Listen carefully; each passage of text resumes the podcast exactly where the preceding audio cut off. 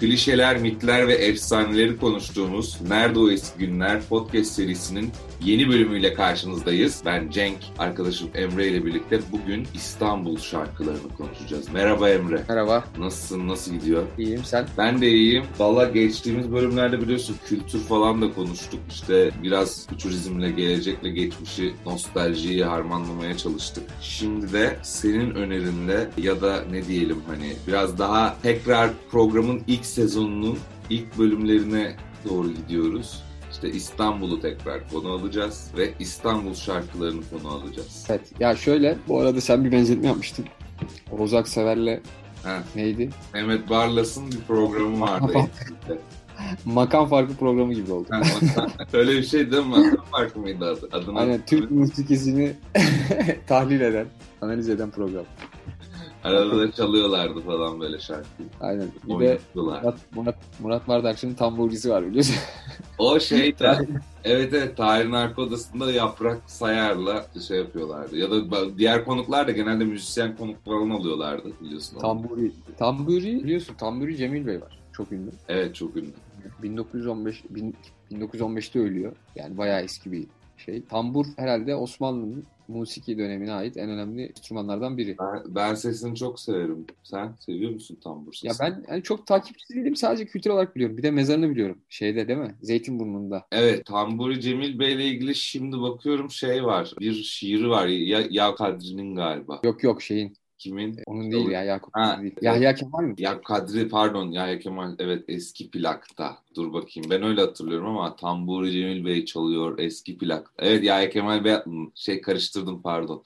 Zihnim bu şehirden bu devirden çok uzakta. Tamburi Cemil Bey çalıyor eski plakta diye bir dizesi var. Şimdi Evet. bak şöyle düşünsene. Bir, bir daha okur musun o ilk iki, üç satırı? Şöyle. Evet oradaki- bilmiyorum o şeyi biliyor. Sadece o dize, dizeyi biliyordum. Şöyle bak orada da diyor ki işte zihnim bu dönemden çok uzakta. Orada Ha. bir nostalji Evet. özlemi var. Onu söyleyecektim. Yani e, şimdi de var yani. Hep Bu şehirden işte- bu devirden çok uzakta. Tamburi Cemil Bey çalıyor eski plak. Abi Yahya Kemal galiba 1962'de falan ölüyor. Hı. Yani düşün yani bu şiiri de yazdığında muhtemelen 30'lu 40'lı 50'li yıllardır. Evet, evet.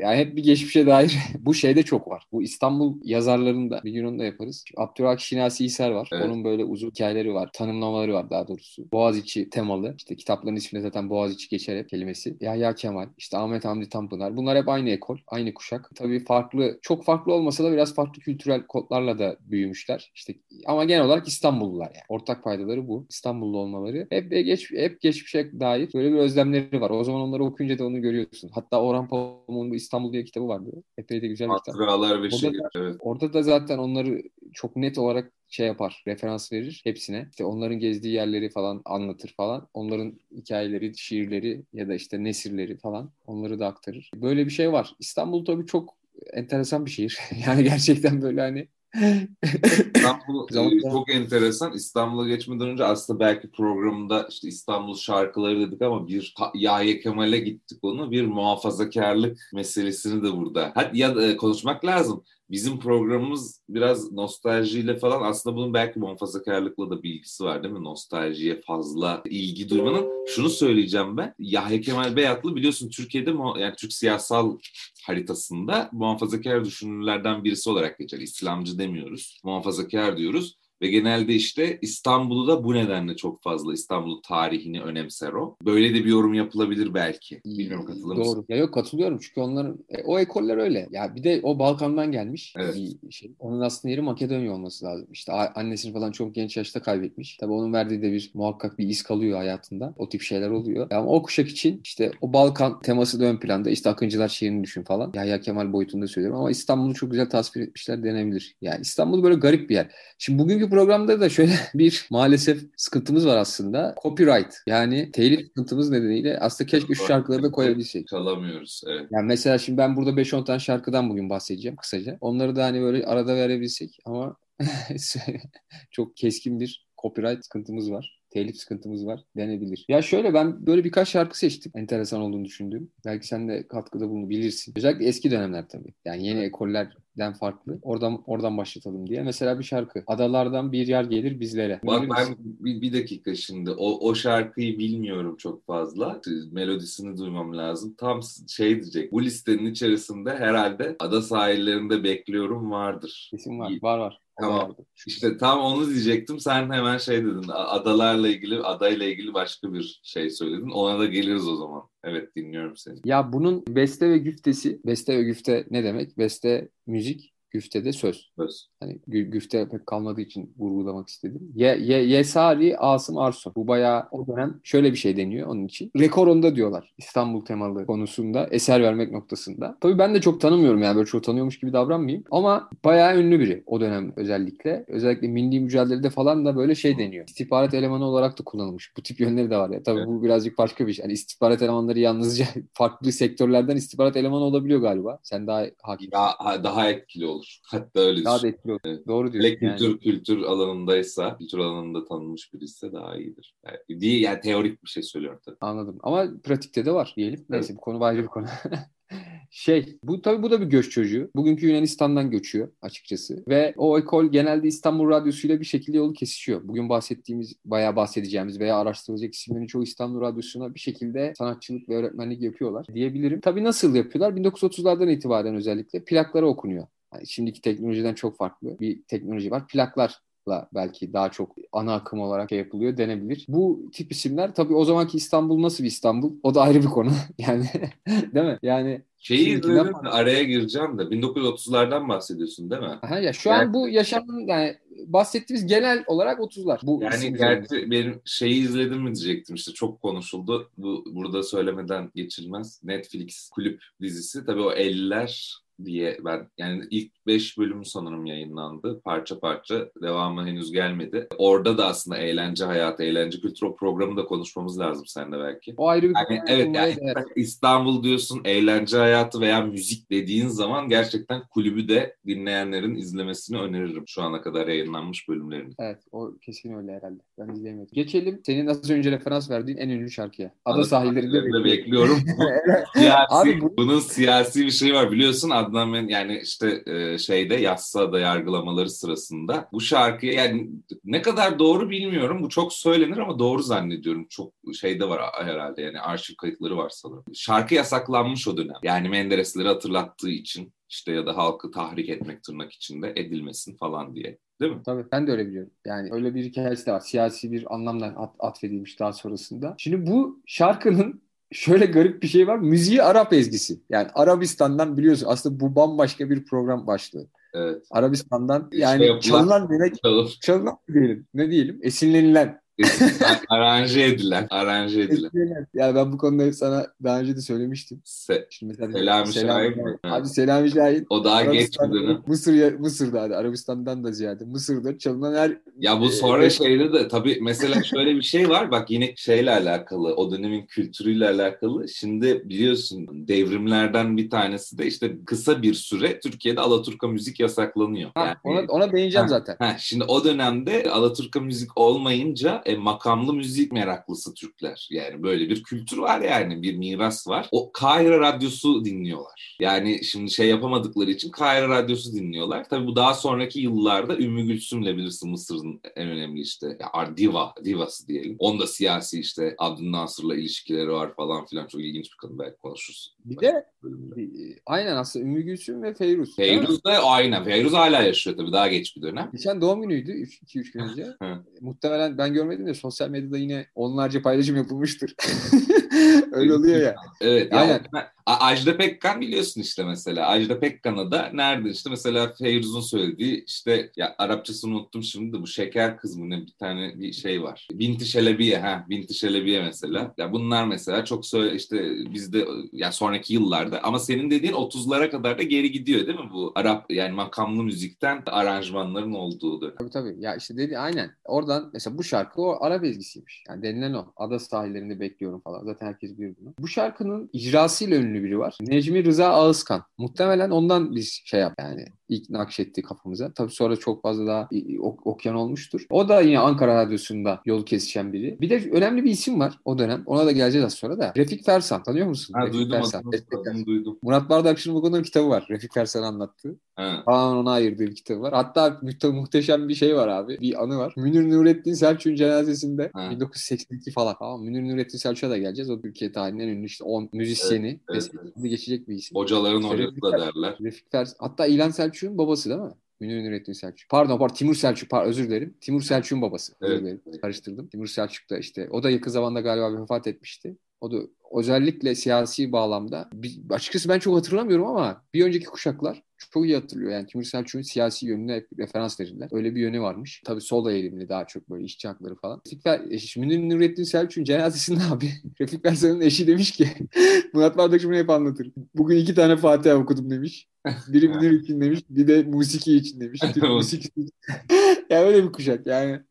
O kadar önemli. Musiki bağlamında. Türk müziği yani ne diyelim musikiye ne diyelim. Ya işte ya şöyle aslında Münir Nurettin Selçuk ilk yani modern anlamda diyelim aslında buna. Hani aslında ilk böyle işte hoca olarak görülüyor. Sonra aslında Zeki Mürenler falan geliyor biliyorsun da onlar daha böyle işte hep söylenen işte popüler popüler kültüre çevirdiler. İşte ma- makamı da buna çevirdiler. Şeyi hani icra ediliş tarzını da Münir Nurettin Selçuk'un paradigmasını değiştirdiler gibi bir yorum vardır. Yani çünkü şimdi bizim kuşaklar yani bizim yaş grubumuz, bizim annelerimiz hatta bizim belki dedelerimizin yaş grubu, annelerimizin yaş grubu işte Zeki Müren'i çok büyük şey olarak görürler değil mi? Yani evet doğru Türk müziğinin paşasıdır, doğrudur. E, fakat büyük bir paradigma değişikliği yapmıştır. Ki biz bunu zaten ilk sezon hatırlıyorsun sahne konusundaki bazı reform devrimlerine değindik. Ama bu işte şey olarak da yani müziğin icra edilmesi e, anlamında da söyleyebiliriz. Münir Nurettin Selçuk daha öncü ve bugün dinlediğimiz sanat müziğinin müziğinden biraz farklı bir müzik yapıyor. O nedenle şimdi YouTube'a dinleyiciler girerse mesela Münir Nurettin Selçuk yazıp dinlerlerse aslında garip gelecek onlara. Ya bize garip gelecek. Anlatabiliyor muyum? Yani Türk musikisi bu mu? Yani daha işte yavaş belki diye denebilir. Ama birçok şey on, ondan geliyor. Doğru söylüyorsun. Gelelim bir başka şarkı, e, türkü şarkı. Bu biraz farklı. Bu Aksaray'dan geçerken çevirdiler yolumu diye bir şey. Şimdi ha. bu ben açıkçası hiç bilmiyordum. Ama hikayesi ilginç olduğu için ben kısaca bahsetmek istedim. Aksaray türküsüye geçiyor. Bunu Türk musikisinin büyük ustası diye kabul edilen işte bir başka isim Mesut Cemil şeyi. Bu bir anonim tabii yani. Öncelikle onu söyleyeyim. Mesut Cemil diyor ki bu şarkı için İstanbul'da en iyi anlatan musiki eseri diyor. Bu, bu açıdan ilginç geldi. Ee, bunu da Cevdet o dönemki en önemli isimlerden gözüken musiki bağlamında Mesut Cemil'in çok ön plana çıkardığı bir şarkı diyelim. Burada ilginç bir şey var. 1950 yılların sonunda o zaman tabii Irak Haşimi Hanedanı var. Yani İngiliz yanlısı bir krallık var. Evrili. Türkiye ile de araları iyi o zamana kadar. 58'deki darbeye kadar. En azından kağıt üstünde. Oraya bir ekip yollanıyor. Türk musikisini öğretmek için. Bağdat Konservatuvarı'na. İşte Mesut Cemil ve Cev Cevdet Çağla gidiyor. Burada yani ilginç olan isimlerden ziyade böyle bir ortaklığın olması. Türkiye'nin çevre ülkeleri olan tesiri diyelim. Sonuçta biz de Mısır'dan falan acayip bir müzik ne diye ya, ithalatı yapmışız. Oradan da ihraç ettiğimiz belli bağlamları ihraç ettiğimiz yer var. Bir başka ünlü şarkı Bakmıyor Çeşmi Siyah Feryade. Tabii çok üzünlü hmm. bir şey. Buna nihamet makamı diyorlar. Tabii bu makam işlerini de hani biraz çok açıkçası hakim değilim ama az çok anlayabiliyorsun belli bir e, dinleme ve okumadan sonra ama hani ona girmeyelim hiç. Bunun bestekarı çok ünlü biri. O yüzden bunu almak istedim. Hacı Arif Bey. Yani Hacı Arif Bey epey renkli bir karakter ve çok ünlü. Yani belki en ünlü o zaman o zaman için işte 1831-1885 yılları. 19. yüzyılda yaşamış. Bu daha çok şu an bahsettiğimiz kuşakların hep etkilendiği isimlerden. Onlara etkilenmiş bir isim ve böyle birçok tabii şimdi padişahın yanında hep bunlar. Sarayda hep görev yapan tipler. Bu da öyle biri. Bayağı iyi bir e, müzik şinas veya bestekar olduğu için diyelim. Böyle e, çeşitli makamları işte mesela Kürdülli Hicazkar var biliyorsun. Evet. Böyle bir makam var. Böyle çeşitli makamlarda çok önemli besteler yapmış. Hani bu da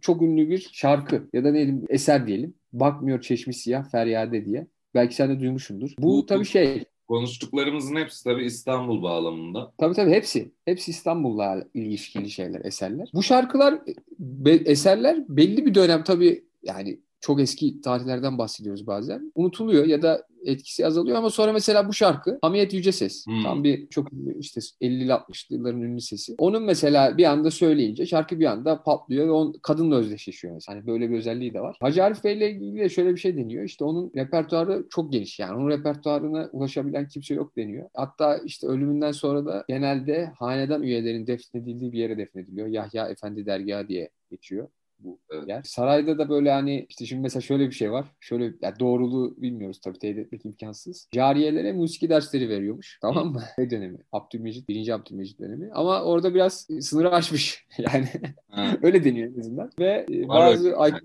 aşk ilişkileri aşk ilişkileri yüzünden saraydaki görevine işte o dönem için son veriliyor. Sonra bunlar biliyorsun öyle tipler ki ya çok ilginç tipler. Ya, dünyada da var yani. Hani mesela Machiavelli düşün. O da öyle bir tip. Hani bir şekilde aforoz ediliyorlar. Sonra bir şekilde Tekrar, kabul ediliyorlar. Tekrar, evet evet. Çok ilginç yani. ilginç değil. Yani neden öldürmüyor da diyebilirsin bu kadar güçlü insanlar bu insanlar. Herhalde onun da bir sınırı var o yüzden. Yani hani tam onu diyecektim. Yani sarayda işte haremde bir aşk ilişkisine karışan baş yani aileden olmayan birisi. E, ama tabii şey var. Ya bir meşruiyet var kendi içinde. Yani ne kadar imparatorluk olsa hani her ne kadar demokrasi öv, övüyoruz ediyoruz da neticede onun kendi şey içinde de bir belli kuralları var. Ya bir de şöyle bir şey var. Şimdi bu sanatçılar için de aklıma hemen şey geliyor. Mesela bu adamın ben hikayesini ilk kez senden duyuyorum. E, bu, bu özel meseleyi. Hacı Arif. Hacı Arif Bey'in. Yani e, genelde şimdi bugün bile ya farkındaysan mesela muhteşem müzisyenler veya işte herhangi yani oyuncular sosyal medya tabii çok gözümüzün önünde olduğu için birçok şey. Abuk subuk bir şey yapıyorlar anlatabiliyor muyum? Ama ya mesela şey söyleyelim. Kimi söyleyelim? İşte Celal Şengör geçenlerde biliyorsun hani bir müzisyen değil ama ya Celal Şengör gerçekten Türkiye'de ismi olan bir akademisyen. Saçma sapan bir açıklama yaptı. Evet gerçekten bir kadın kadına taciz ile alakalı sonra aforoz edildi. Ya şimdi bu insanların meslekleri ayrı bir noktada, insani bir takım durumlar ayrı bir noktada değerlendirilmek gerekiyor. Ama evet yani bu olayların etkisi geçtiği zaman tekrar işte dönülüp referans veriliyor. Yani pek Aynen. çok örneği var ama tam tam bir şey hikayesi. Anladım şu anda. tam Aynen. böyle genelde olan bir hikaye. Bugün dahi olan bir hikaye. Ya bugünkü ünlü müzisyenler de o dönemki şartlarda yaşasalardı sarayın yani o dönemki sarayın, o dönemki padişah veya işte kim yetkili yani kim hükümdarsa onun çevresinde ona müzik yapan e, Mozart falan da öyle yani. Evet, evet. E, Avrupa'da da böyle. Kraliyetin ya çünkü neden? Çünkü para kazanmaları lazım. Aynen para patronaj kazan... işte patronaj yani şairler en kolay, işte. en kolay hatta tek yolu o o dönemki şartlarda. Hani şimdi bir sürü şimdi bağımsız bir müzisyen kariyeri inşa edebilirsin ama o zamanlar inşa edemezsin. Çok net bir şey. Doğru. Denebilir. E, diğer bir şarkı e, beğendiğim biçimini Kadıköylü. Kadıköylü diye geçer. Hmm. Bu da ünlü bir Nihamet makamı. Bu da böyle bir şey. Bu az önce referans verdiğim Refik Versan'ın eseri. Şimdi Refik Versan kimdir? Refik Versan da işte 1965'te ölüyor. Yani 20. yüzyıla daha çok Hacı Arif Bey gibi değil. Hacı Arif Bey bir 19. yüzyıl, yüzyıl müzisyeni. Refik Versen Murat Bardakçı'nın muhtemelen yolları ya kesişti ya mental olarak kesişti. Çünkü hep tambur falan çalıyor ya. Bu da tamburi. Hatta bu tamburi Cemil Bey'den almış ders. Ölmeden 10 yıl el önce almış. falan. Bak, aynen el almış. Orada almış. Daha sonra işte çeşitli Cumhuriyet kurulduktan sonra da işte Türk Cumhurbaşkanı Türk Musikisi topluluğu gibi yerlerde şef falan da olmuş ama dediğim gibi yine radyoda kesişme var. Çünkü İstanbul Radyosu ya da Ankara Radyosu o dönem için bu tip evet. sanatçılar için direkt şey yani önemli bir Tekel ee, sonuçta yani or oradan geçmen lazım. Hele bir de Cumhuriyet kurul kurulurken değil mi? Yani önemli şey o. Yani o başka kanal yok ya. Bir özel kanal yok. Bir şey yok zaten teknoloji kısıtlı. Oradan gitmen lazım yani. Yoksa başka türlü senin dediğin gibi varlık gösteremezsin. Aynen öyle. Bu Kadıköy şarkısı çok ünlüymüş. Daha sonra bu da unutulmuş. Daha sonra yine bir sanatçı tarafından eser okununca bir kez daha hani şey olmuş. Popüler hale gelmiş diyelim. Şimdi bu bir musiki kuşağından biz bahsetmeye çalışıyoruz. İşte Münir Nurettin, az sonra değineceğiz. Mesut Cemil ve Refik Versan gibi isimler de 20. yüzyılın bayraktarları diyelim hani bu yolda. Ya bu arada bu şeyi de vurgulamak lazım. Türk müziği yasaklanma dönemi var. 1934 ve 36 yılları arasında bir yaklaşık bir buçuk iki sene diyelim hadi iki sene diyelim bir yasaklanma dönemi var. O dönemki birçok reformu da düşünürsek çok ilginç değil. Çünkü tamamen hani batı diyebileceğimiz yöne doğru e, bir eğilim var. Ve o da müzik anlamında da e, işte birçok radikal değişikliğin yapılmaya çabası. Ancak hatta şey deniyor biliyor musun? Devrimlerin tutmayan tek devrim. Hani tabii ki vardır da var yani. De, yani 9 yani 9 tutmayan devrimler çok var da şey yok yani direkt tutmayan. Hani bir buçuk sene sonra tamam demişler bu iş böyle yürümeyecek. O yasak şey yapılmış. Ya yani. meselesi çünkü. Şimdi evet yani hadi kılık kıyafet dersin. Ya kılık kıyafet zaten çok daha önceleri bir şekilde yani Atatürk devrimi olmadan önce de değişmiş yani. Sosyal açıdan değişmiş. İşte şapka takan insanlar var mesela. Da. Ama zaten face bir değişiklik biliyorsun hani. Sarık yerine face çok önce 100 yıl önce işte gelmiş falan. Ama müzik çok farklı bir şey. Müziği o kadar rahat değiştiremezsin. Aynen öyle. Ama yani... işte böyle damak zevkiyle alakalı bir durum olduğu için. Ya hiç tutmamış biliyor musun? Yani hiç tutmayan bir hatta şey diyorlar ya Mustafa Kemal de Atatürk de kendisi bile dinliyordu derler. E tabii tabii canım kendisi ya, Alaturka dinliyordur yani. Yani ondan vazgeçmek biraz zor diyelim. Çok ünlü bir eser. Benzemez kimse sana tavrına hayran olayım mesela. İşte bu da. Bugüne kadar gelenlerden yani gelenlerden dediğim popüler olarak birçok insanın bildiklerinden bir tanesi. Aynen. Bunun da bestekeri Fehmi Tokay diye biri. Hiç tanımıyorum. Çok eskiden ölmüş. 60'lı yılların başında ölmüş, vefat etmiş falan. E, ama şarkı çok ünlü. Yani. Diğerlerinden bile ünlü olabilir birçok saydığımda. Ya da sayılabilecek, potansiyel sayılabilecek şeylerden bile ünlü olabilir. Ama bestecisi tanınmıyor. Bu da bir talihsizlik. ya da bilmiyorum şans. Bunu mesela Münir Nurettin falan bestelemiş olsaydı herhalde bilirdik yani diyelim. Daha fazla. Ee, bir çok önemli şeye geçeyim. Bestekara. Tamburi yine. Selahattin Pınar. Hmm, evet. Şimdi, onun ismi daha çok biliniyor. Evet. Aslında bu ilginç bir, çok ilginç bir hayatı var. Bir bahar akşamı rastladım size Hı-hı. eserini şey yapıyoruz. Burada ön plana çıkarabiliriz. Ya bu isim önemli ve işte o ne zaman ölmüş? Bu da 1960'ta ölmüş. Bu kuşak zaten genelde orada vefat etmiş. Biraz şans, biraz kuş, dönem koşullar herhalde. Evet. Ee, şimdi Afife Jale'yi biliyorsun. Türk, evet. Türkiye'de tiyatro sahnesinde sahneye çıkan ilk Türk kadın oyuncu. Müslüman kadın oyuncu.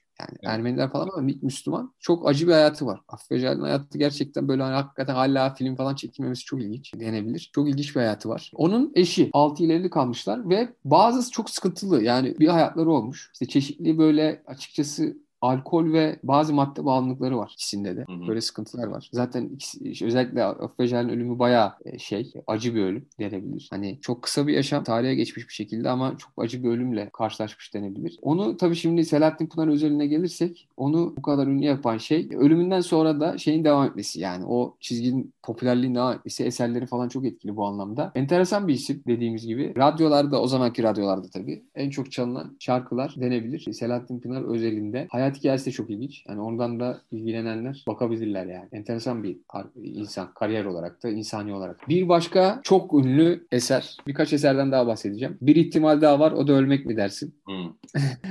ya bu da çok enteresan. İşte bunun da Osman Nihat Akın diye bir beste ve güftesi var. Ama şey çok ünlü herhalde. Bilmiyorum ben çok duyduğum bir laf yani diyebilirim. Sen de duymuşsundur diye tahmin ediyorum. Hangisi? Bir ihtimal daha var o da ölmek mi dersin değil mi? Evet, ya doğru bir de o şarkı için şey vardı. O Oğuz Akseverler'in programında galiba ben dinlemiştim. Yani şimdi isim hatırlayamıyorum ama İsmet İnönü milli şefken ön sırada o şarkı çalmışlar falan bir öyle bir hikaye var. Sonra böyle o, o, o şey buz kesmiş ortalık. Hani bir ihtimal daha var o da ölmek mi dersin deyince. Aha. Ondan sonraki şarkı şimdi şarkıyı söyleyen kişi sahnede şey diyor. Hikayeyi öyle hatırlıyorum. Ee, bunun işte bir sonraki parça işte milli şefimize gelsin diyor. Fakat şeyden habersiz. Yani o parçanın geleceğinden habersiz. Sonra orkestra çalmaya başlayınca herkes buz kesiyor ama İsmet İnönü ilk olarak alkışlıyor. Sonra millet bir rahatlıyor falan. Öyle bir işte hikayeden de bahsediyorlar. Tam bir gaf denebilir. Evet. Tam bir siyasi gaf evet. Gelelim son olarak en önemli isim diyebileceğimiz isimden de kısaca bahsedeyim. Bu bayağı bir nostaljik program oldu ama Münir Nurettin Selçuk. Evet. Aheste kürekleri Mehtap uyanmasın. Uyanmasın. Tam bir İstanbul. İstanbul şarkısı. Ya şimdi Münir Nurettin'in özellikleri neler dersek böyle doğaçlama yeteneği de olan. Bu tabii Aheste Çek Kürekleri Mehtap Uyanması'ndaki sözler Yahya Kemal'in.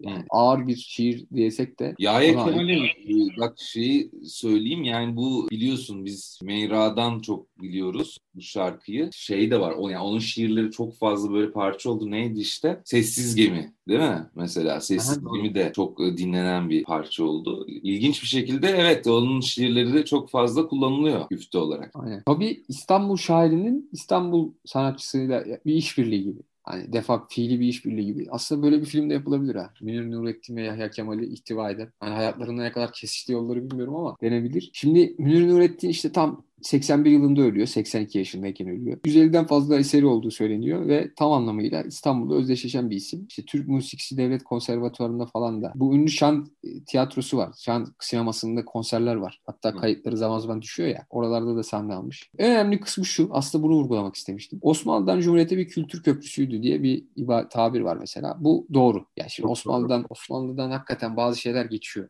Osmanlı'nın son yılları zaten Cumhuriyet'in ilk yıllarıyla benzer ülkelerin güdüldüğü bir dönem denebilir. Hani orada böyle ara isimler var tamam mı? Hem yaşadıkları yıl itibariyle hem de yaptıkları iş itibariyle hem de taşıdıkları nosyon yani misyon diyelim itibarıyla. E, bunlardan biri bence Münir Nurettin Selçuk. Hakikaten böyle bir Osmanlı'dan Cumhuriyet'e diye bir şey yapmakla. Yani tabii çok fazla yayın var ama bunu biraz da kültürel kodlarıyla daha derin bir şekilde analiz etmek lazım e, denebilir. Çok önemli bir musiki şinas. Bu laf da güzel bir laf denebilir. E, tabii bu da tam bir İstanbul yani şeyi eseri musiki şinası ya da eser üreteni diyelim. Tabii icra yeteneği de var. Onun böyle bir yönü de var. Da şey deniyor. Türk musiki tarihinde diyorlar ilk solo konser veren isim. Yani bu ilginç bir bilgi. Yani tek başına çıkmış herhalde ses sanatçısı. Evet evet zaten koroyu aşmak bir modernite göstergesi. Tırnak içinde söylüyorum bunu. Yani tek evet soloya geçmek bir çünkü hep eski koroyla çok seslilikle işte genelde doğu müziği dedikleri çok sesli biliyorsun. Ya bunun bir sürü tartışması var musikinin kendi içinde de işte bir kısmı daha ne derler ona oryantalist de kalıyor baktığın zaman ama gerçekten öyle yani genelde işte batıdan biz daha çok bu tek sesli müziği biliyoruz. İşte orada önce olmuş demek ki Münir Nurettin Selçuk'ta. Aynen öyle. Ya şimdilik bunlardan bahsetmek istedik açıkçası.